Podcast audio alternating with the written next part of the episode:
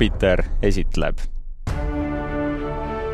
tere tulemast Planeet Hollywoodi podcasti, kus me räägime filmidest, vahelsarjadest, põnevatest uudistest ja loomulikult anname Jupiteri soovitusi ja end, selle kõige juurde käib meie selline enda arvamuskaste, mille me valame kõigega üle nii uudistega, nii filmiarvustustega ja alati võtamegi need kõige populaarsemad siis filmid ja, ja selleks nädalaks äh, on selline suur film nagu Napoleon mm,. selle aasta kõige oodatum film Ridley Scott, Joaquin Phoenix, Vanessa Kirby, no kindlasti. selle aasta sinu kõige oodatum film on vist õige öelda. mina ootasin ka seda, aga, aga tõenäoliselt mõnda teist rohkem ja, ja mõlemad oleme seda näinud, sellest räägime ja, ja lõpu võtame ka, kuna võib-olla filmivalik kinodes sellel nädalal ei olnud nii eeskujulik, siis võtame ka Disney plussis sarja Loki teise hooaja lihtsalt sellised, võib-olla mitte nii vägagi sisukirjeldus, vaid rohkem sellist emotsiooni ja mõtet, et kas see on midagi teistsugust. ja no Marvelist oleme palju rääkinud ja ma arvan, et ka selle sarja võtmes saame veel rääkida, aga enne kui läheme selle nädala naela juurde, siis äh, loomulikult võtame uudised ka ette ja väike diiser, mis, äh, millest me uudiste plokis räägime. ja muidugi võtame uue kuu asjad ette, vaatame üle, mis siis toimub kinos, mis toimub striimingutes, kuupäevadega teile väga konkreetsed soovitused äh, ette võtame. Ja siis räägin ka sellest näiteks, et kui kaugel on uus Star Warsi film mm,. põnev, põnev, aga enne veel, kui sukeldume, siis loomulikult mina olen Richard ja minuga on siin Andri.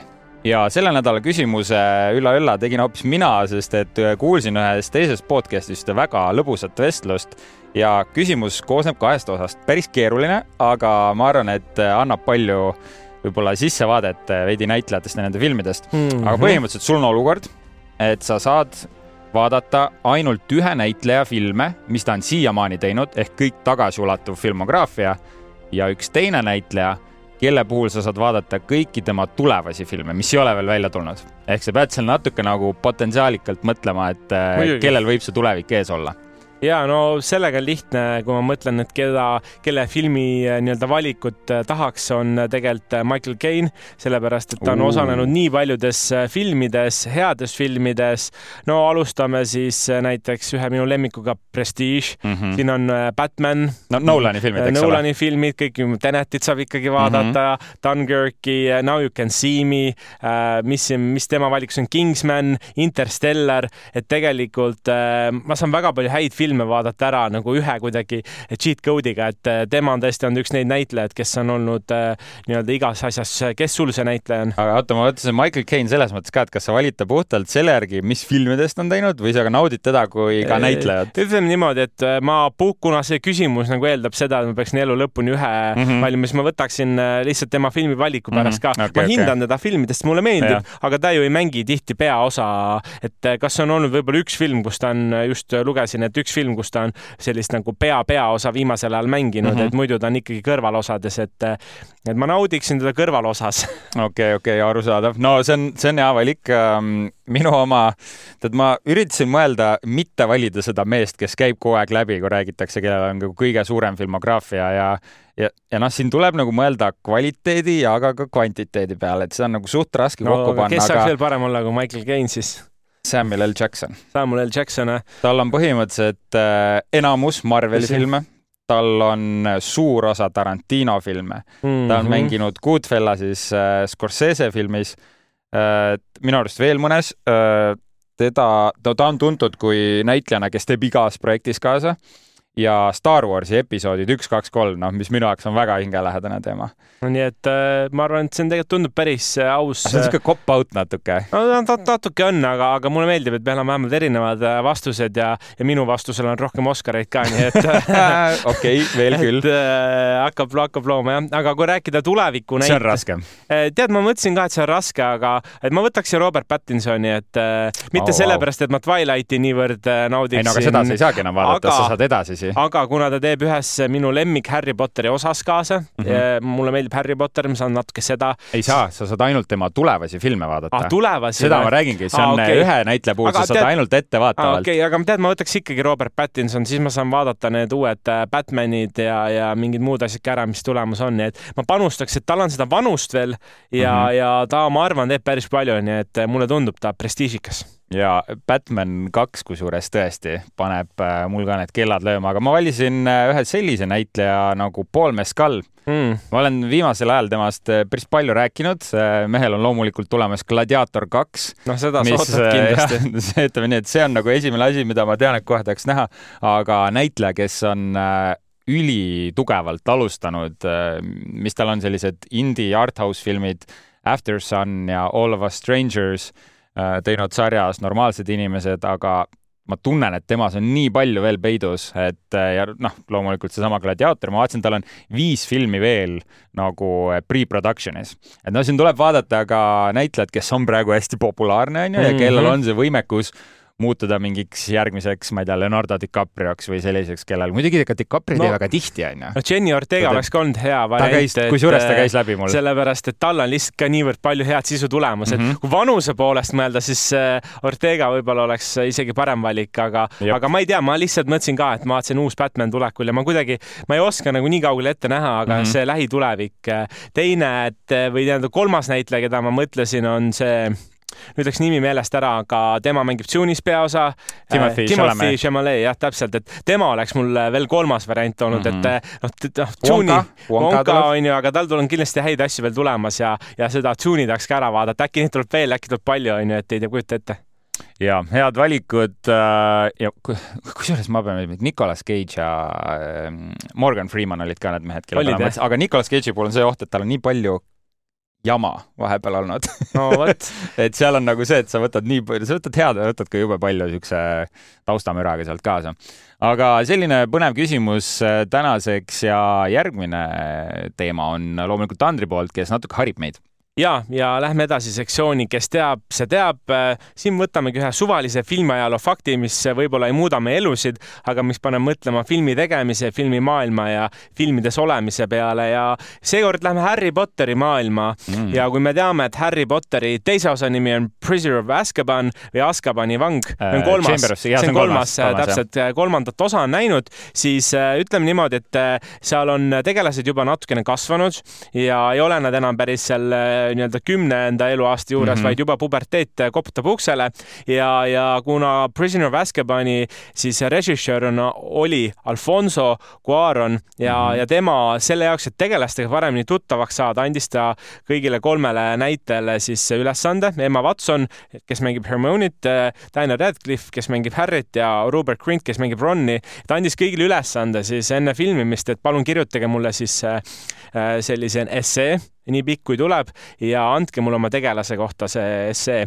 ja kui Emma Watson kirjutas kuusteist lehekülge nagu päris pikalt ja väga põhjalikult, siis äh, Daniel Radcliffe kirjutas ainult ühe A4 ja tegelikult Rupert Grint, kes mängib Ronni, üldse ei andnudki seda kodutööd ära, nii et et, et selline põnev filmiajaloo fakt on ja, ja mõnes mõttes, kui sa hakkad mõtlema, see läheb nende tegelaskujudega kokku küll. väga hästi. ma arvan, et Rupert Grint lihtsalt ei viitsinud ka seda teha, aga, aga kuna talle anti selline vindiga pall, siis ta otsustas oskas ka vindiga vastata ja just Emma Watsoni puhul tundub eriti, kas Emma Watson mitte ei lõpetanud isegi mingi Ivy League'i ülikooli? ja, ja ta on tegelikult, ta on ka väga, ta nagu meenutab oma karakteri, et, et ta on tegelikult ja. väga tubli ja tark ja, ja, ja see, ma olen vaadanud ka neid Äh, kaadritaguseid videosid, seal mm -hmm. ta mhm. ka nii-öelda on tegelikult väga selline nagu tahab hariduse juures olla minu arust seal õppis vahepeal väga palju ja, ja noh, see ka, et kuusteist lehekülge mingit teksti oma, oma tegelase kohta, mis on küll väga hea mõtteharjutus, aga, aga, aga tõesti imetlusväärne ma, kui ma oleks näitleja Alfonso Cuaroni filmis, siis ma oleks küll natuke nagu pettunud, et ma pean kodutööd tegema, niimoodi mingit esseed kirjutama, et selles mõttes ma, ma nagu saan aru äh, sellest Rupert Grintist, miks ta seda teha ei viitsinud, aga noh, au ikka neile, kes, kes seda tegid. no niisugune tore fakt võib-olla enne jõule just eriti, et Harry Potteri filmid on ju tihti pühadeteemalised, et mul näiteks on käsil praegu, ma olen kuuenda filmi juures väga läbi vaatamas. mina neid. hakkan veel vaatama nüüd enne aasta lõppu ja, ja tegelikult järgmine nädal äkki mõni üksinda kodus fakt, et äh, mm. jõulud hakkavad, siis kostitame veel ei kostita, aga järgmine nädal siis ma otsin spetsiaalselt ühe äh, nii-öelda üksinda kodus faktiga meile. väga hea, väga hea, paneme valmis, aga nüüd äh, liigumegi edasi selle nädala uudiste juurde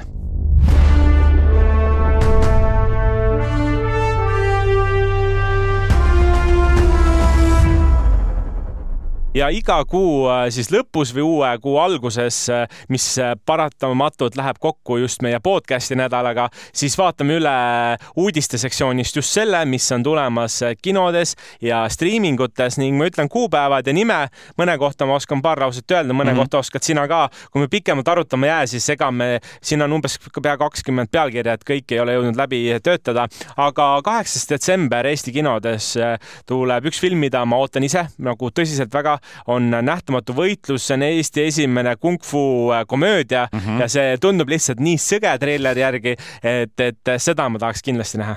ja võimas, Rainer Sarneti film ja ma usun, et paljud lähevad vaatama. kaheksas detsember tuleb, aga siit edasi minnes siis kinodes kolmteist detsember Wonka, Timothy Chalamet peaosas Willy Wonka lugud on, teame varasemat Johnny Deppi Willy Wonka ja šokolaadivabrikust. see peaks olema siis noore Willy Wonka lugu kogu pere film, mida saab, saavad nii lapsed kui täiskasvanud. ja, ja eesti keeles ma nägin, et on eesti keeles peale loetud ja, ja on ka olemas ingliskeelne seanss, nii et eh, kes tahab, saab vaadata mõlemad, mina lähen vaatama seda, kus on eh, inglise keeles peale loetud. ikka parim jah, aga ma tean, ma valisin selle järgmise filmi puhtalt sellepärast äh, välja, et ma tean, et osadele inimestele läks see väga korda. kolm musketäri järg mm, -hmm. Milady on siis äh, äh, nimi ja see jõuab kinodesse viieteistkümnendal detsembril ja see esimene film tuli tõesti väga hoogsalt kinodesse mul on veel nägemata, ma arvan, et see on, need on võib-olla filmid, mida peaks vaatama ja arvustama. see on juba midagi. järgmine, juba järgmine osa. aga siis äh, kakskümmend detsember äh, Aquaman ja kadunud kuningriik tuleb äh, oma võimsalt äh, kauaoodatud film, mida on edasi lükatud nii Amber Heardi tõttu mm -hmm. kui ka lihtsalt sisumuudatuste tõttu. no treileris ta võeti nüüd välja, aga filmis ta väidetavalt ikkagi on, aga minimaalse siis ekraaniajaga ta sai ühe sekundi treileris. jah, ta sai, aga siis see ka võeti nüüd äh, lõpuks välja ära, et äh, seal oli eraldi juba petitsioon selle vastu ja võtsid selle ühe sekundi ka välja. jah selle kohta ei oskagi midagi öelda, tuleb ära vaadata, oskame hinnata, aga aasta lõppu siis äh, üks selline draamafilm Armastan sind vihata ja ma tõin selle sellepärast välja, et äh, ma olen juba jube palju igasugust pressi ja, ja treilerit näinud. Äh, tegelikult on selline draamakomöödia, Sydney Weenie ja Glen Powell ah, on peaosas mm. -hmm. tundub selline nagu üsna, no üsna romantiline, naljakas komöödia, et eks siis näis. ja Glen Powell siis Top Gun Maverickist kuulsust kogunud. ja aga kui läheme siit üle Netflixi, siis äh, seitsme, seitsmes detsember on tulemas Walter Mitty salajane elu ja see on selline üsna vanem film veidi? ta on vanem film, aga ta on lõbus, äh, lõbus mm -hmm. vaadata, kuidas see Walter Mitty seal siis erinevate maailmade vahel ringi käib, ma rohkem midagi ei ütle mm, -hmm. kes tahab, saab ise vaadata. sarjafännidele neliteist detsember on tulemas Kroonid, Crown teine osa ehk siis part kaks. see tähendab seda, et seal on mingid osad siis seda sarja mm, -hmm. et nad viimased viimasel ajal teevad äh, niimoodi hooaja pooleks ja, ja kellele The Crown meeldib, siis äh, teine osa või pool on sellest olemas. kakskümmend detsember tuleb selline film nagu Maestro ja miks ma seda eraldi välja toon. Äh, Bradley Cooper, kes üks on osatäitjaid, on öelnud, et ta harjutas seal väikse lõigu jaoks seitse aastat. et siin osad ütlevad, et ta norib Oscarit endale, ma seda mm -hmm. öelda ei oska, aga tõesti, et väidetavalt seitse aastat oli õppinud siis äh, dirigeerimist. dirigeerimist selle jaoks, et teha selle Maestro filmis see paarikümne sekundine lõik vot, aga kakskümmend kaks detsember selline film nagu Rebel Moon mm., siin me oleme sellest põgusalt rääkinud ka, tundub selline eepiline postapokalüpne maailm ja, ja kogu see asi sinna juurde. üks selle aasta top kaks oodatuim film no näed, täna on äh, kohe selline väga oodatavate asjade saade ja Top Gun Maverick äh, kakskümmend kaks detsember Netflixi on jõudmas, nii et äh, kes ei ole näinud, kuidas Tom Cruise sõidab lennukiga hästi kiiresti, siis see on ka võimalik ära vaadata. teistel platvormidel kusjuures juba täitsa olemas ka ja osadel on juba olemas, aga ka sinna tuleb see. Disney plussis siis esimene detsember Indiana Jones and Child of Destiny, kes Indiana Jonesi suvel ei käinud kinos vaatamas siis, äh, siis peaks esimene detsember jõudma. kakskümmend detsember, väga suur ootamine minu poolt on Percy Jackson and Olympians. Äh, Percy Jacksoni sellised seikluslikud lood, äh, kaks esimest avaosa kakskümmend detsember. ehk siis sarja näol tuleb? sarja näol mm -hmm. ta tuleb ja, ja Percy Jacksoni filme on ka varem olnud, tegu on siis pooljumalaga kelle üks isa on nüüd, ma ei mäleta, kas see oli Poseidon äkki ja ema on siis nii-öelda maa pealt ja siis see trall käib selle ümber ja kakskümmend kaks detsember tuleb Marveli stuudio poolt What If teine hooaeg, avaosad. see on selline lühianimeeritud väiksed saated, kus siis räägib, et kui mingid asjad oleksid teistmoodi mm -hmm. juhtunud, et kui Ironmani oleks nipsu teinud, kui ma ei tea. Ultron oleks võitnud. võitnud, et mis siis saab, et see What If, et minu meelest on väga lõbusad lood ja, ja fännidele tohutult meeldib. ja see tõesti ületas kõiki ootusi ja midagi väga head siia aasta lõppu. nii, aga lähme mm, nüüd äh, selle aasta veel tulevate asjade juurest äh, natuke lähemale. järgmisel nädalal me ilmselt räägime sellisest filmist nagu Silent Night. mitte uue aasta, äh, aga detsembri asjade juurde. detsembri asjadest eesti keeles Vihased pühad ja sellega raames otsisingi selle näitleja nagu ühe kommentaari välja, et Joel Kinnaman, kes siis mängib äh, peaosa, proovis äh, mitte rääkida kaks kuud, et selle wow. filmi võtetel siis äh, olla justkui rollis sees ja see film ongi siis John Woo action märul, kus Kinnaman mängib tumma karakterit, kes hakkab oma poja surma eest kätte maksma mm. -hmm. ja noh, niimoodi see Joel otsustaski, et nüüd kaks kuud mõtles, et teeb seda full method äh, näitlemist, äh, võtab siis kõik omaks, äh, mis sellega kaasa tuleb ja oli ka kommenteerinud, kusjuures Jimmy Fallonis vist käis mm -hmm. rääkimas sellest, ütles, et äh, üritas naist nõusse saada, naine polnud absoluutselt õnnelik selle üle, läksid siis nõustaja juurde. Fallon küsis seal naljatlevalt, et noh, et mis nõustaja arvas mm, -hmm. et mhm. kas see on hea mõte või, siis naeris, ütles ei, kindlasti mitte, aga lõpuks sai oma elukaaslase ka nõusse ja, ja tegigi täpselt nii, et siis, kui filmivõtted olid kuskil kuus nädalat, et siis see valmistusaeg on siis mhm. kaks nädalat, kus ta pidi oma naisega seal ka eelnevalt, eks ole, kodus ah, wow. olema ja jõudis ta siis filmivõtetele, kus ta hakkas autoga siis setile sõitma esimesel päeval mm. -hmm. ja ta tundis, et väga raskeks läheb ja ta jõudis make-up treilerisse, kus inimesed naersid, lõbutsesid täiega nagu melu käis. kutt otsustas koha peal metsa kah annab alla ja otsustas mitte teha seda ikkagi. ütles, et tead, see, see on nii, see on nagu kuidagi nagu, see on nagu uudis, veits ei ole uudis, sest et nagu kuidas näitleja niimoodi alla andis. aga see on nagu veidi võib-olla laiem vestlus, me võimegi mõelda nende näitlejate peale, kes tõesti võtavad mm -hmm. väga tõsiselt seda asja. aga veidi lõbus on kuulata seda Joel Kinnamani poolt, eriti, et ta nagu julges sellist asja tunnistada no,. väga-väga julge. et seal pidi ikka päris lõbus olema, esiteks seal setil, et ta niimoodi kohe alla tahtis anda. aga mul on nagu veel üks küsimus, et see on John Woo action film, mis noh, tema, John Woo filmid ei ole nüüd sellised filmid, kus sa lähed Oscarit võitma miks sul on vaja nii karakterisse minna, kui sa mängid mingisugust äh, action man'i? Noh? nojah, aga tegelikult saab ju teha selliseid filme väga-väga hästi ka. kes, äh, ma ei mäleta, kes tegi selle filmi Nobody, neil oli ka jätk, kus oli selline vihane, vihane märul, et äh, see sai hindeks seitse koma neli näiteks. No, et, et aga mulle ta meenutabki see, seesama, see, mis see on siis? Silent Night. Silent Night inglise keeles, et, et, et äkki nad tahtsid ka ja võib-olla see mees ise või näitleja tundis, et ta ei suud, suuda olla nii mm -hmm. Nagu karakteris, et eh, eks nad tahavad sellist eh, tavamaailmas väga tõsist karakterit mm, onju -hmm., et võib-olla ta tundis, et ta ei olnud liiga, liiga naljakas inimene see jah, natuke, natuke nagu veider jah, et sellise filmi puhul ja veel naljakam, et ta niimoodi kiirelt alla andis. aga kui sa mõtled nagu üleüldiselt näitlejate peale või siuksed, et kes on sellised väga, kes kaovad rolli ära, et on sul mõned esimesed, kes sul lihtsalt lambist nagu pähe tulevad, nii et sa ise no, nagu research'i ei tee? Leto on kindlasti üks. jah, no, ta on ikka täitsa, äh, võib segane olla vahepeal. siis äh, nüüd, kes see on, ta, kes Batman'i ka mängis Nolani ajal see ah, eh, Christian Bale. Christian Bale, tema ja tema on teine. Christian Bale on muidugi minu meelest täiesti nagu hull äärmus mm -hmm. ja Joaquin Phoenix kindlasti, need on need kolm nime võib-olla, mis kohe meetod näitlemisega pähe tulevad seal Jokeri äh, setil ka, eks ole, kes ka, et kuidas ta, kuidas ta nälju, näljutas seal ja mm -hmm. oligi mingi sullu, aga tegelikult Jokeritega on varemgi olnud seda ju. absoluutselt äh,. nii, kõikide Jokeritega on põhimõtteliselt mm -hmm. viimase aja Jokeritega on olnud ju, Jared Leto mängis ka ühte Jokerit mm -hmm. ja, ja enne teda mängis Heath Ledger, Heath Ledger, kes meie juurest kahjuks lahkus, aga, aga tema oli ka meetodnäitleja. ja, ja ühed kuulsamad siis, kes veel, noh, Daniel Day-Lewis, eks ole, näitleja, kes enam ei tee filmides kaasa, oli ka selline, et tema noh, võttis nagu meeletult meeletu tõsidusega mm -hmm. seda, et noh, Joel Kinnaman vist võib-olla proovis saada sinna nende kuulsate ja väga hinnatud näitlejate hulka, aga ikkagi mõtlesin, et tead, ma annan alla, ma tahan nautida ja ma sain juba piisavalt selle autosõidu jooksul, et äh, proovida, kuidas on tumm olla. Selline no, naljakas lugu. väga õige, peabki proovima, enne ei saa teada, aga üks mees, äh, kes siin jagab filmiuudiseid ja see filmiuudis on nüüd pühendatud sulle, Richard, eelkõige sellepärast, et sind see teema märksa rohkem huvitab, aga no, aga ma kujutan ette Star Warsi fänne ka.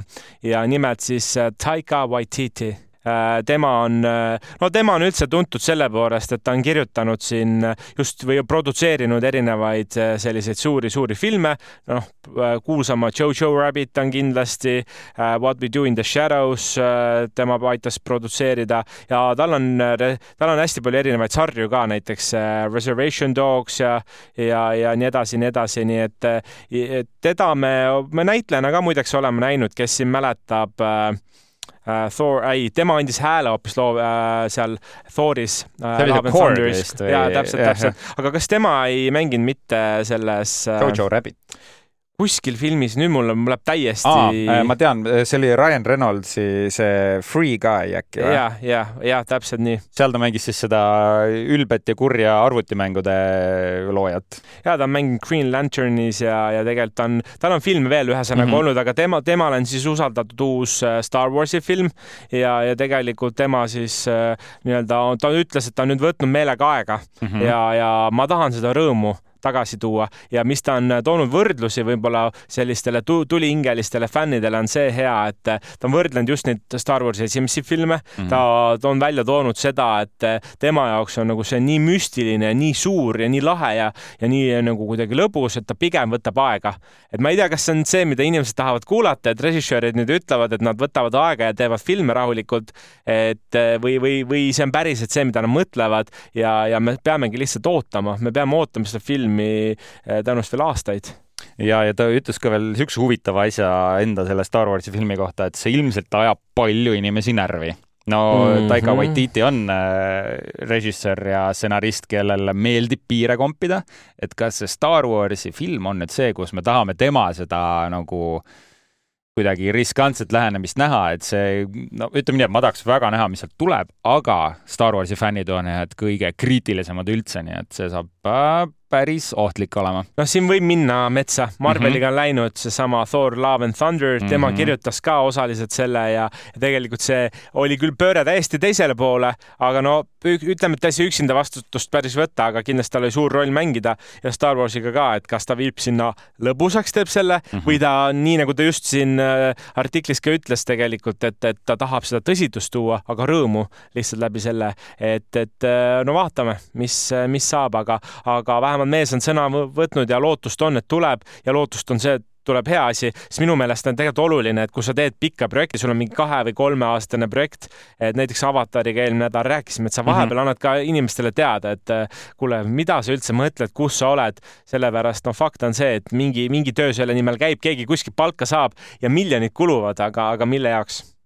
ei tea jah, see Taika Waititi nagu see tähelend on nagu veidi niisugust nagu pidurit saanud, temal oli ju PÖFFil ka film Järgmine värav võidab ja see peaks mm -hmm. minu teada kas jaanuaris või veebruaris kinodesse jõudma, et saab ka seda vaatama minna.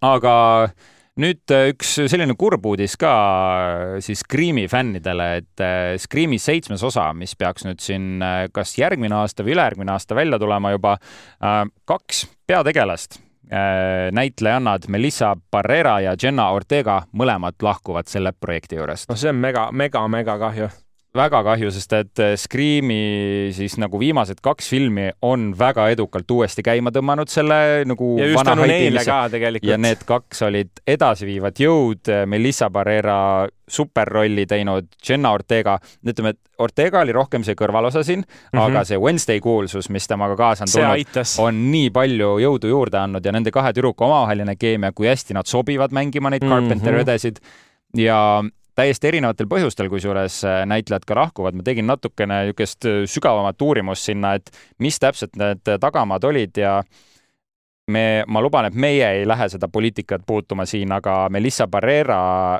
siis äh, tweetis või enam ei ole tweet imine, mis see Exil on, kui sa postitad midagi, see platvorm, eks ole mm,. Äh, säutsumine vist või nüüd no, ma ei tea, nüüd on X-imine äkki. nüüd on X-imine, et äh, ta oli äh, Palestiina poolehoiu siis äh, teemalise postituse teinud mm -hmm. ja filmistuudio ütles, et eks ole, meie siin äh, antisemitismi ei, mitte ühelgi kujul ei tolereeri ja kahjuks peame laskma sellel näitlejal minna kohe pärast. see on eriti riskantne, tegelikult ei olegi, tänapäeval on lihtsalt raske see, et eh, ega raske on öelda, kuspool see tõde on, nii palju infot on mm -hmm. ja lihtsam on tegelikult, ma tean, et, et, et võib-olla ei ole aus näitlejate suhtes, aga kui näitlejad ikkagi tahavad äh, nii-öelda radari alt igal juhul minna, siis igasugused poliitilised asjad mm, -hmm. aga noh, see oleneb, et kui, kui on teinekord keegi tunneb, et ta ta peab lihtsalt arvestama selle see, see ongi see, eks ole, et nii Melissal on täiesti õigus see postitus teha, kui ka stuudiol on täiesti õigus teda lahti lasta. poliitika, poliitilised otsused. selles mõttes kedagi ei keelata, on ju, see filmistuudio otsustas, et nemad ei saa lihtsalt sellise meediakajastusega hakkama või noh, ei, ei, ei soovi sellega kokku puutuda, et mõlemalt poolt selles mõttes arusaadav, küll väga kahju, aga kuskil päevasi pärast seda tuli kohe ka Jenna Ortega uudis ja paljud arvasid, et ta lahkus projekti juures sellepärast, et toetada oma siis kaastaari äh,. ei olnud tegelikult tõsi see mm -hmm. kuulujutt et eh, Jenna Ortega on tahtnud juba enne näitlejate streiki üldse sellest projektist taanduda. Ja seda põhjusel, et tal on nüüd eh, mitu filmi plaanis pluss see Wednesday võttegraafik on nii tihe ja ta otsustas, et põhirõhk läheb ikkagi sellele see on tegelikult jah, me ei taju neid mahte ka, onju, et need mahud, mida need näitlejad tegelikult mm -hmm. tegema peavad. sa oled kogu aeg võtta, sa oled ühel võttel, sa oled teisel, sa pead ette valmistama ka, see ei ole niimoodi, et ma kõnnin ühele võtteplatsile ja siis äh, asjad, asjad juhtuvad, et äh, noh, kindlasti on suur tulevik. ma mõtlesin, et mis filmid tal on huvitav tulemas on, no sa ütlesid Wednesday onju, Beetlejuice äh, teises Just, osas see, on ta veel, Death of a Unicorn on siin, siin on Miller's Girl, ma ei tea, mis need filmid on mm, -hmm. aga mhm. lihtsalt ma ütlen need pealkirjad välja, et et äkki kellelgi koidab, onju, et ja, ja mida see siis tähendab eh, nüüd edaspidi Scream'i jaoks ja kuidas nad edasi plaanivad minna? No vot, ei, ma, ma arvan, et see ei juhtu, et tegelikult Scream'i puhul on see tõmbenumber, nii väga kui meile ka meeldib Ortega ja Barrera, tõmbenumber on ikka Ghostface, see killer, eks ole, tema on selle filmi staar ja ma arvan, et sinna saab äh, tuua teised tegelased. noh, saab jah, väga tihti ei saa neid vahetada, aga noh, praegu enam-vähem jälle saaks tuua, et siis nad saavad ühed ära kõrvaldada ja uued võtta, et see annab loole ka nagu liikuvust, et no aga noh, ikkagi oleks helistanud, et üks oleks vähemalt veel olnud, kui ei ole, no siis, siis nii on.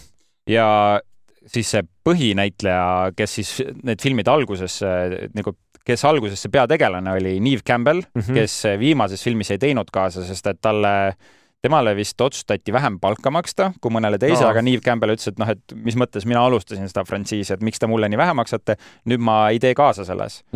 nüüd ma ütlen Neve Campbell küsi topelt. küsi topelt ja saa nagu raha selle eest, mis sa tõesti väärt olid ja ma ei näe, et need Scream'i produtsendid kuidagi saavad temast eemal hoida siinkohal. nüüd on vaja seda ühte tegelast, keda midagi, me teame. midagi siduvat on vaja ja tema ja. oleks ideaalne, et, et tõesti, see on päris hea soovitus, küsi topelt nii, aga uudistega olemegi selleks korraks ühele poole saanud ja nüüd tuleb see kõige magusam osa, nädala nael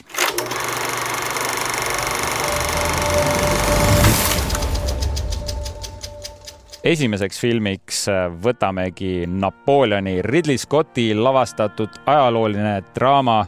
räägib siis loo, nagu nimi ütleb, ühest ajaloo kuulsamast kindralist ja imperaatorist Napoleon Bonaparte'ist ja sellest, kuidas ta võimule pääses, tema sõjalistest vallutustest ja ka loomulikult tema allakäigust ja selle filmi tegevus toimubki siis kaheksateistkümnendal ja üheksateistkümnendal sajandil Prantsuse revolutsiooni ajal Napoleoni ja Josephine'i kirjavahetus on äh, nüüdseks maailmakuulus ja ühelt poolt me näemegi siis äh, Napoleoni nagu sellist sõjalist võidukäiku ja teisalt seda armastuslugu, mis neid kahte nagu edasi viis. Ja kui sa võtad need kaks väga kuulsat lugu, paned need kokku, siin ongi Ridley Scotti Napoleon, selline, no ütleks üsna kokkuvõttev tutvustus, aga seda filmi on võimatu täiel, täies mahus lahti rääkida, sest film on ju kaks ja pool tundi pikk kaks ja pool tundi ja väidetavalt tuleb ka siis üks neljatunnine versioon äh, Apple, Apple pluss ja, ja mina lugesin üldse seda, et kuigi ta oli Apple plussi jaoks mõeldud, et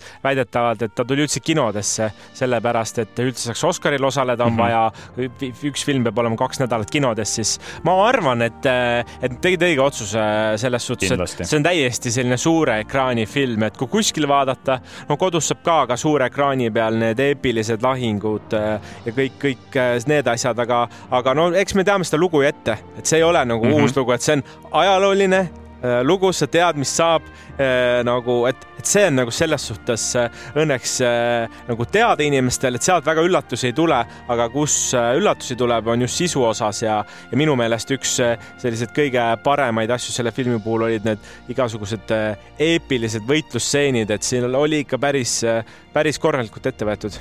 oo jaa, ma tõesti ei suuda vist öelda, et ühelgi ajaloolisel draamal või ajaloolisel sõjafilmil, räägime siis nagu mitte modernsest ajast, et enne mm -hmm. kui olid sellised äh, väga modernsed siis äh, tulirelvad ja asjad kasutuses, et minu arust see on kõige paremate lahingustseenidega film, mis on siiamaani tehtud. ma ütleks ka, et need olid, äh, need olid piisavalt suured, need olid piisavalt kompaktsed aga, aga samas see eepilisus äh, säilis ja, ja seal oli äh, üks stseen, kus nad olid hästi külmades oludes mm, -hmm. jää, jääkamakate peal ja seal, kuidas Napoleon tegelikult nagu tajus neid äh, asju väga hästi ja kasutas seda maapinda oma eeliseks ära, et minu meelest see võttis selle filmiga selles suhtes kokku, et Napoleonit on hinnatud just sellepärast, et tema väga tugev taktikaline oskus mm -hmm. on imetlusväärt ja väidetavalt siis ajaloolased ütlevad et, et kaheksakümmend protsenti lahingutest, mis ta ette võttis, võttis, ta võitis.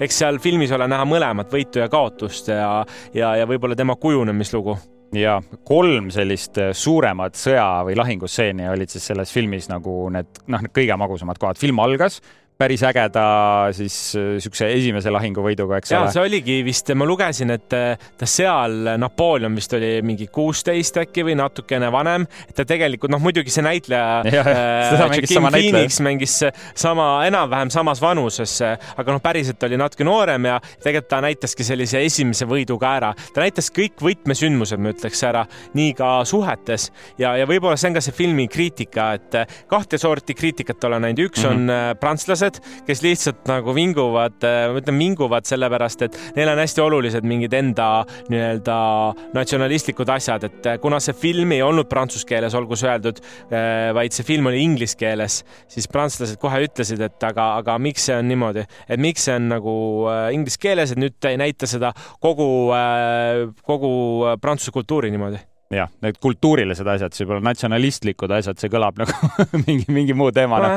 Aga, aga ja see ja see keele teema just, et eks ole, näited ei teinud äh, ei prantsuse aktsenti, ei rääkinud prantsuse keeles, see on niisugune briti aktsendiga see ajaloo. korraks isegi nagu on eksitav mm -hmm. selles suhtes ka ma filmi ajal nagu mõtlesin, et okei okay,, puhas inglise keel, et oleks võinud olla minu mm -hmm. meelest ka, et see on see esimene kriitika ja teine kriitika on ikkagi see, et äh, see film ei jõua liiga palju süveneda, et kuigi see lugu on äh, pikk mm, -hmm. siis kahjuks see kahe poole tunniga, mina ise olen ka samal arvamusel, et minu jaoks ta oli niimoodi, et ta libises ja liugles, et, et kui ajalooõpetaja ütleks, Andrei, Napoleoni elukoht on vaja teada, siis see on parim kaks pool tundi, reaalselt, ma annan näidete ja, ja mingeid nagu põhielemente ära mm, -hmm. aga minu meelest ta ei jõudnud ja, ja ka selle võib-olla loo point ei olnud kuhugi väga sügavale minna, et ta hästi nagu hästi konkreetselt näitas äh, iseloomujooned ära ja siis äh, liugles niimoodi jah, et äh, sellepärast ka see neljatunnine versioon, mis peaks tulema siis Apple pluss, eks ole, seal mm -hmm. Ridley Scott ütleski, et see tuleb nüüd see tema pikendatud variant aga jah, sa põhimõtteliselt ütlesid samu asju minu jaoks, kusjuures see loo sujuvus ja hüplikkus mind isegi ei häirinud, sest ma kuulsin seda enne filmi vaatamist mm -hmm. ja ma kartsin, et see tuleb selline hekseldatud, hästi kiirustatud versioon. aga ta ei et, olnud äh, selles suhtes kiirustatud ka, et võib olnud, öelda, et, et ma ei saaks öelda, minu probleem ei ole see, et ta nagu hüppas nende aegade vahel mm, -hmm. aga lihtsalt, et võib-olla mõnda olukorda oleks veel tahtnud näha, et, et nagu seda draamamaitset ka saada. tal draamast oli nagu puudu, et ta oli väga nagu, ta mm. oli visuaalselt eepiline ja ma ei ole, et ma ei igatse tavalist draamat, aga natukene veel nagu mingit dialoogi osa veel. see Napoleoni tegelaskuju oli ise hästi selline noh, ma ei saaks öelda napisõnaline, aga ta oli ülikalkuleeriv ja, ja ta tegelikult rääkiski vähem, ta oli rohkem tegude mees, nagu näha oli nii armusuhetes tegude mm -hmm. mees kui sõjalistes olukordades, ta tahtis teha kogu aeg see on väga huvitav, et sa mainisid just, et see draama osa jättis soovida. kas sa mõtled, et saaks rohkem draamat tahtnud või et see draama oleks paremini tehtud olnud äh,? rohkem võib-olla, lihtsalt näidata okay. veel nagu, no ma toon näite sulle ühe mm -hmm. konkreetse draama, et, et see ei ole, või tähendab, kui ta kohtus selle oma naisega, kellega ta abiellus mm -hmm. ka, eh, seal oli äh, räägitud alguses ühest äh, kõrvalsuhtest ka ja yeah. seda kõrvalsuhte äh, venda näitas seal kroonimistseenis ka ja siis nagu see näiteks, ma oleks tahtnud näha. jäi õhku, eks ole. et ma jäi õhku, et oleks tahtnud tahtnud nagu näha, mis, kuidas mingid nagu need äh, asjad arenesid edasi, et, et äh, Napoleoni karakterit oli piisavalt, aga teisi karaktereid oli piisavalt vähe, et ma oleks natukene tahtnud nagu äh, taustaks, emast rääkis hästi pikalt mm, -hmm. ema lõpuks näitas, aga ma olin, aa, ema jah, et see ema ongi siin, ma arvasin, et kas ta on üldse surnud või miks see talle nii mm -hmm. oluline on, et ta nagu oleks võinud minna, et äh, ma praegu täna oskan kuidagi väga hästi nagu seda analüüsida enda jaoks, aga, aga ka tegelikult nagu laias laastus ta meeldis mulle mm. -hmm. et ei jääks valet muljet, et äh, pluss asju oli nagu rohkem, et ta on plussis kokkuvõttes minu jaoks ikkagi. ja see, see, see on film, millel on äh, palju head ja ka palju kehva, et äh, miks ma küsisin sult selle draama kohta, et minu jaoks selle filmi kõige nõrgem koht oligi kõik see, mis oli nende suurte lahing, lahingustseenide vahel ja, ja see on ju enamus osa filmist tegelikult, et see draama vahepeal isegi muutus igavaks mu jaoks, jah, see oli ajalooliselt oluline, mulle meeldis näha, kuidas äh, Napoleoni ja Josephini nagu see, ma ütlen jutumärkides armulugu mm, -hmm. sest et see on väga keeruline arma, armulugu, nagu sündis. ma oleks tahtnud rohkem nagu kuidagi tausta, kuidas nad tutvusid, miks nad hakkasid armastama, et see järsku nagu nad tutvusid mm -hmm., okei okay,, nüüd äh, abiellumine ja nüüd peab hakkama kohe, eks ole, järglasi tegema. ta oli seal... kõik otsejooneline nagu, ta ei vaadanud kordagi mm -hmm. tagasi, et ta läks, noh, need mm -hmm. asjad juhtusid, onju, ma olen, noh, laias laastus mul nagu, see on seesama, mida ma tundsin nagu ja, lihtsalt kuidagi teises äh, võtmes. ja, ja üldiselt niisuguste action filmi, noh, okei okay,, seda ei saa action filmiks, sõjafilmide puhul nagu oluline on just see, et kui need sõjastseenid on head, see ei ole päris veel kõik, sul on vaja seda head siduvat liimi seal vahel, mis on mm -hmm. need mhm. rahulikud stseenid. ja see oli see koht, kus see film minu jaoks tegi nagu alla keskmise tulemuse. jällegi, teiselt poolt, kui tulid need äh, lahingustseenid, siis see oli üks parimaid, sa tundsid, kuidas, noh, Ridley Scott oskab, noh, Gladiator on film, millest me ei saa üle ümber. Need on äh, tema nagu siis bread and butter äh, leib ja või, et äh, selles kohas nagu tõesti ta pani endast kõik mängu, aga kui mm -hmm. olid need draamastseenid, siis midagi jäi nagu puudu ja, ja sa mainisid ka seda, et noh, et Napoleon ise oli selline võib-olla napisõnaline no,. Et, et aga me nägime teda väga erinevatest vaatepunktidest, kohati vaata, ta oli see kalkuleeritud külm kindral ja siis Josephiniga oli ta no päris hädine kohati. see ikka naine käitus temaga päris karmilt ja me nägime Jep. ebakindlust, me nägime edevust, me nägime armukadedust, mina ei olnud üldse valmis no emotsioone nägi küll ja. palju, et selles suhtes nagu oli seda emotsiooni, aga, ja mis mulle kõige rohkem meeldis, mis oli minu arust vaimustav, ma ei olnud kunagi näinud, et tegelikult, et just see au ja uhkus ka riigi ees et see oli ja. nagu lahe, et, et ma ei olnud näinud kunagi nagu ühtegi valitsejat või kuningat selles võtmes, et tegelikult Napoleonist jäi ikkagi nagu, kui keegi küsib, kas jäi hea või halb mulje, minu arust jäi väga hea mulje, et mis siis, et ta lõpus, mis iganes otsuseid ta tegi, aga, aga lihtsalt see, et, et minu arust ei maalitud ka sellest kuidagi antikangelast või ja, ta oli pigem mm -hmm. ikkagi kangelase rollis äh, selles võtmes, et kuigi asjad läksid nii, nagu läksid, siis äh, ta oli võimas ja, ja üks fakt veel, mis äh, spetsiaalselt filmi jaoks uurisin välja, et kui pikk ta oli et räägitakse, et ta on lühike mees, siis tegelikult äh, ta oli sada seitsekümmend, äh, sada seitsekümmend sentimeetrit pikk, mis oli oma aja kohta väga hea, sellepärast et keskmine mees oli siis umbes sada kuuskümmend viis sentimeetrit. -hmm. ta oli lihtsalt natuke parema toituvusega, äh, tal olid lihtsalt mingid tingimused ja võimalused paremad, aga miks ta väike Napoleon on, on sellepärast, et tal oli hüüdnimi La Petite Napoleon, mis on siis lihtsalt oligi selline hellitusnimi mm, -hmm. et mhm. väike nunnu meie valitseja onju, aga tegelikult siis ka pahalased või konkurendid või Inglismaa või kes iganes seal vastas oli, siis eh, ega tegelikult kasutati ära ja see oli lihtsalt tema mõnitamiseks ja allatoomiseks kui sa nüüd äh, võtaksid kokku selle filmi puhul, no sa ütlesid, et seda paremat vist on ikka rohkem kui seda kehva. ja kindlasti, kindlasti. no jah, ma, ma ütleks niimoodi, et äh, ma soovitaks seda kinno minna vaatama, sellepärast et see on nagu suure ekraani film kindlasti. ma soovitaks seda oma vanemad, näiteks oma mõnele vanemale kolleegile, tuttavale, sest äh, ma arvan, et see ajalooline aspekt on huvitav, soovitaks sõbrale.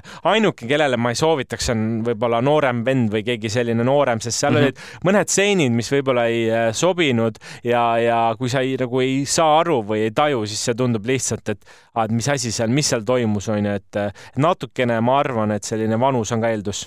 Jah, ma ütleks ka, et üldises plaanis väga hea film, natukene jäi puudu, et see oleks suurepärane film, rikkalik eepiline lugu ja just need dramaatilised stseenid, mis eh, kohati muutusid igavaks, aga selle heastasid võimsad lahingustseenid ja Joaquin eh, Phoenix ja Vanessa Kirby no nad kumbki ei teinud Oscari väärilisi rolle, aga nad head. tegid piisavalt häid, et nendele ajaloolistele figuuridele. Vanessa Kirby minu meelest tegi väga hea kuidagi, ta nagu jättis mm. ikkagi nagu kustumatu mulje mulle sealt, mängis täpselt seda karakterit, mida ta pidi mängima ja Kim Phoenix samamoodi, aga tal oli lihtsalt teistsugune karakter, nagu sa ütlesid, võib-olla Oscarit saa, aga ma ei tea, võib-olla mm -hmm. Kirby'le midagi. tema võib pigem saada, ma ütleks jah. jah, kõrvalosa täitja eest võib, võib-olla isegi seal nimekirjas on, et ma ei imestaks, kui on jah, ma, ma väga hoian pöialt talle ja kogu sellele filmile ka, et äh, sellist tüüpi filme tahan mina rohkem kinos näha.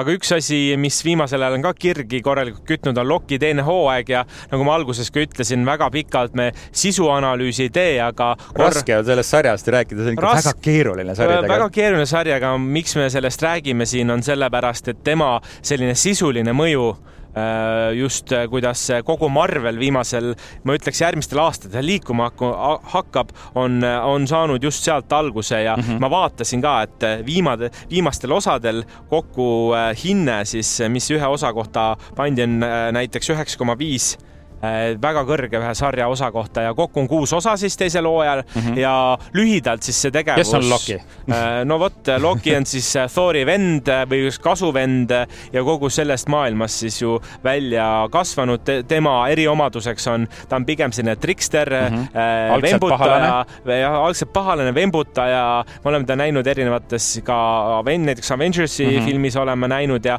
ja kui me teame, et Endgame, kus ta ära lõppes, siis Loki tegelikult vahistati ja Loki sai äh, sellise aja, aja siis selle võtme või siis sellise kivi sai enda kätte ja, ja vabandust, mitte aja, aga selle teleportatsiooni. Ja, ja, ja, ja siis ta tegelikult sattus sellisesse kohta nagu aja variatsiooniamet võib-olla täiesti mingi asi, millest äh, võib-olla väga palju ei teagi, siis ma ütlen, et vaadake sarja, sest mm -hmm. see sari spetsiaalselt räägib sellele, aga loogika on see, et äh, nemad siis aja Äh, ajavariatsiooni ametis valvavad kõiki siis maailma ajaliine, mis on. kogu seda multiversumit, mida ja. see Marvel loonud on. ehk siis tegelikult seal on üsna lõputu arv neid mm, -hmm. aga, aga nemad siis valvavad ja, ja teine hooaeg keskendub minu meelest väga hästi just sellele, eh, kuidas Loki proovib siis päästa maailma ja, ja tehes, tehes seda eneseohverduslikult. kui muidu me oleme harjunud nägema, et Loki on see, kes on just see võib-olla pahalane mm -hmm. ja mhm. natukene omakasupüüdlik vembutaja, siis see hooaeg ta tõesti üllatab ja, ja just need, ma ütleksin, kaks või kolm viimast äh, osa või mm -hmm. poole hooaja pealt äh, minu meelest keerati täiesti asi kahele poole, et Jonathan Mayers, kes äh, muidu siis oleks võinud olla uus Marveli pahalane, siis tema, temal oli seal filmis muideks või sarjas oli väga suur roll, aga väga suur roll just sellepärast, et ta kirjutati mõnes mõttes äh, sealt välja et äh, see on fakt, äh, mis lihtsalt on, et tema pidi algselt olema see pahalane ja seal seletas väga hästi ära, kuidas see pahalane nagu tekkis mm -hmm. ka. aga nüüd Loki võtab mitte pahalase rolli enda peale, aga ta võtab sellise maailma raskuse ikkagi enda peale ja õpib aja kohta nii mõndagi ja no nagu ma rääkisin, väga keeruline sali, millest rääkida, mina olen seda näinud ja kuulates sinu juttu, no ma ütlen, Marveli ja nendest multiversumi asjadest on väga keeruline rääkida, et aga sellepärast see on asi, mida peab ise vaatama, onju, mhm.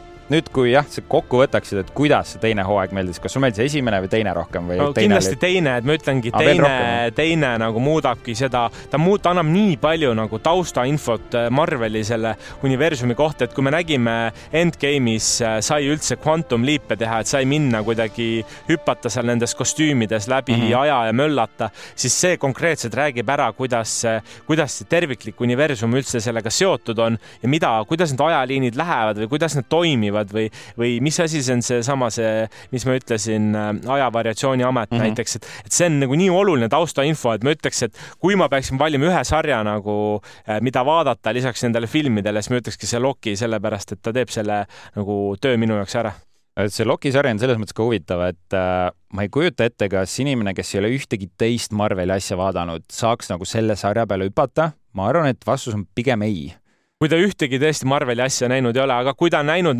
näiteks ära siis äh, äh Infinity War'i Endgame'i ja, ja siis ma ütleks, et on juba lihtsam mm, -hmm. aga noh, Endgame'i on isegi raske vaadata siis no,, kui sa ei ole näinud. ühesõnaga mingi eelteadmine peab olemas olema, aga, aga lihtsalt selle põnevuse ja sidususe mõttes, et ta on viimase, ma ütleks mingi äh, aasta või kahe minu kindlasti lemmikprojekt just selle poolest, et ma, ma vaata, ei saa seda lõppu teile öelda, muidu ma ütleks selle ära ja siis mm -hmm. ma mhm. saaks sellest äh, rääkida, aga just, just sellepärast nagu ja Marveli, Marvel, kelle kvaliteet on alla käinud, siis äh, see Loki sari on praegu nende see kõige säravam pärl, eks ole, mis hoiab veel seda laeva siis vee peal ja mitte ainult ka Tom Hiddleston, kes Lokina teeb väga hea lolli, vaid Owen Wilson, kes siis mängib Lemmik. siin sarjas Mobiust. teine on, tulemine täiesti nagu mehele. ta on täpselt sihuke, et noh, et temaga võiks küll kuskil pubis maha istuda ja juttu rääkida, nagu seda tüüpi selline karakter, eks ole. ja mm, väga ägeda rolli teeb ka Kue Ke Hui Kwan, kes mängib OB-d mm, -hmm. kes võitis eelmisel aastal äh, Oscari ka sellise filmi eest nagu Everything Everywhere All at Once mm. -hmm. teeb siin ka väga siukse toreda ja siukse tiimimängija karakteri rolli ja, ja ma ütlekski, et äh, tuleb siis ära vaadata ja väga huvitaks, mida meie kuulajad äh, ka mõtlevad ja arvavad, nii et kui teil on oma arvamus, siis jätke kuhugi meile kommentaari. Instagrami ja no, kui meie vaatate meie podcast'i postituste juures, siis sinna alla kommentaariumisse võib kindlasti oma mõtteid ka jätta. ja me hea meelega jagame ja mõtleme teiega kaasa, aga ma ütlekski selleks korraks arvustustega kõik meelega ei hakanud seda lokit pikaks ajama, lihtsalt selline üks tugev soovitus, mis ma tunnen, et oli vaja anda ja nüüd piilume, mis on Jupiteri nurgas.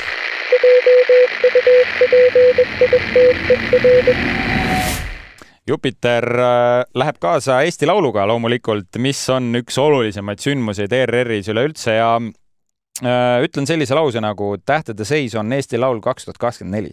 mida see tähendab? tähendab seda, et kui oli Eesti Laulu pressipäev ja kõik artistid olid, no peaaegu kõik artistid olid kohal, siis ERR-i mikrokraadi tudengid Ingrid Margus ja Keti Uibomägi võtsid siis intervjueerimise rollid enda kätte mm, -hmm. aga nad ei teinud äh, nende artistidega selliseid klassikalisi traditsioonilisi intervjuusid, vaid äh, üsna lühikesed, väga tempokad, nad äh, tegid seal vahvaid mänge, challenge eid, panid artistid näiteks laulma enda lemmik Eurovisiooni lugu mm, -hmm. küsisid neilt, et noh, kuni sellistest lõbusatest väikestest asjadest, et kas ananas käib pitsa peale kuni ka sinnamaani, et kas pigem tahaksid võita Eurovisiooni või omada hittlugu raadios ja siuksed kiired aja peale nice. küsimused, kus sa pead nagu reaktsiooni pealt vastama ja hästi lõbus on vaadata, kuidas äh, siis need artistid nagu erinevalt reageerivad. palju neid üldse kokku on, neid artiste seal? kokku kakskümmend, äh, koha peal oli kaheksateist, et äh, kahe artistiga me tegime video vahendusel, need mm -hmm. on samuti Jupiteris üleval ja ütleme, et seda saab vaadata ka meie sotsmeedias, et need eh, klipid ja intervjuud ongi sellised lõbusad, lühikesed ja sa õpid tundma neid artiste no sellest küljest, mida sa võib-olla varem näinud ei ole, et me nii väga ei keskendunud seal sellele, et eh, umbes küsida, et noh, miks sa selle loo tegid ja mis mm -hmm. oli mhm. selle taga, et sellist sügavalt, vaid eh, paljud ka, paljudel oli ka selline küsimus, et mis on see, mida keegi teine sinu kohta kunagi ei tea ja väga erinevaid vastuseid tuli seal no,. kõlab väga hästi, ma muideks vaatasin nädalavahetusel äh, siis noorte või laste Eurovisiooni. see oli ka üks väga vinge vaatamine, nii et lükkas mind täiega Eurovisiooni lainele. kas Jupiteris saab seda ka järgi vaadata? ja täpselt, noorte Eurovisioon, Arhanna, kes siis äh, tegi esituse, kellel kahjuks ei läinud väga hästi äh, nagu koha mõttes, aga kuulsin ka sellist äh, juttu, et Arhanna oli äh, tõbiseks jäänud. ta oli jah, pärast sain teada ka, et tal oli hääl ära olnud, aga Nii minu kahju. meelest üldse kuidagi halba muljet ei jätnud, et, et, et lihtsalt me olime esimest korda äh, Just. laste Eurovisioonil ka, nii et äh, sellist minekut veel on ja nüüd on hea ettepoole ainult kasvada. ja no väga vapper, et Arhanna ikkagi selle ära laulis, isegi kui ta ei olnud sada protsenti, siis esitus oli ikka võimas ja väga tubli töö tema poolt ja olemegi vaikselt äh, saate lõpuossa jõudmas ja mida meil siin loomulikult veel teha meeldib, on veidi tiisida või vaadata ette, mis järgmisel nädalal tulemas on ja, ja järgmine nädal jäi mulle silma selline film nagu Silent Night mm. -hmm. ja see on see, millest me täna ka rääkisime. tegu on sellise jõulueelse möllukaga mm, -hmm. et inimesed saavad seal molli ja keegi saab, keegi saab seal korralikult ennast tohterdada, aga, aga jah, selline mõnus jõulueelne action film tundub see olevat ja, ja teiseks ma arvan, et võiks võtta sellise asja nagu jaapanlaste enda versioon Godzilla filmist, Godzilla minus one ja seda on kusjuures öeldud, et see peaks olema siiamaani parim Godzilla film, mis kunagi tehtud on. ja kui sa nüüd võrdled neid Warner Brothersi suuri Godzilla filme, mis on mingid kahesaja kuni kolmesaja miljoni dollari väärtuses olevad filmid, siis jaapanlased on seda teinud vähemalt kümme korda väiksema eelarvega ja väidetavalt palju paremini.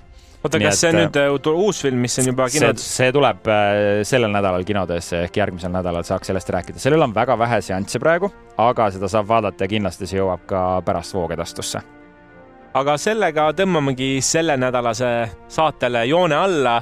aitäh, et olite meiega ja me oleme tagasi juba järgmine nädal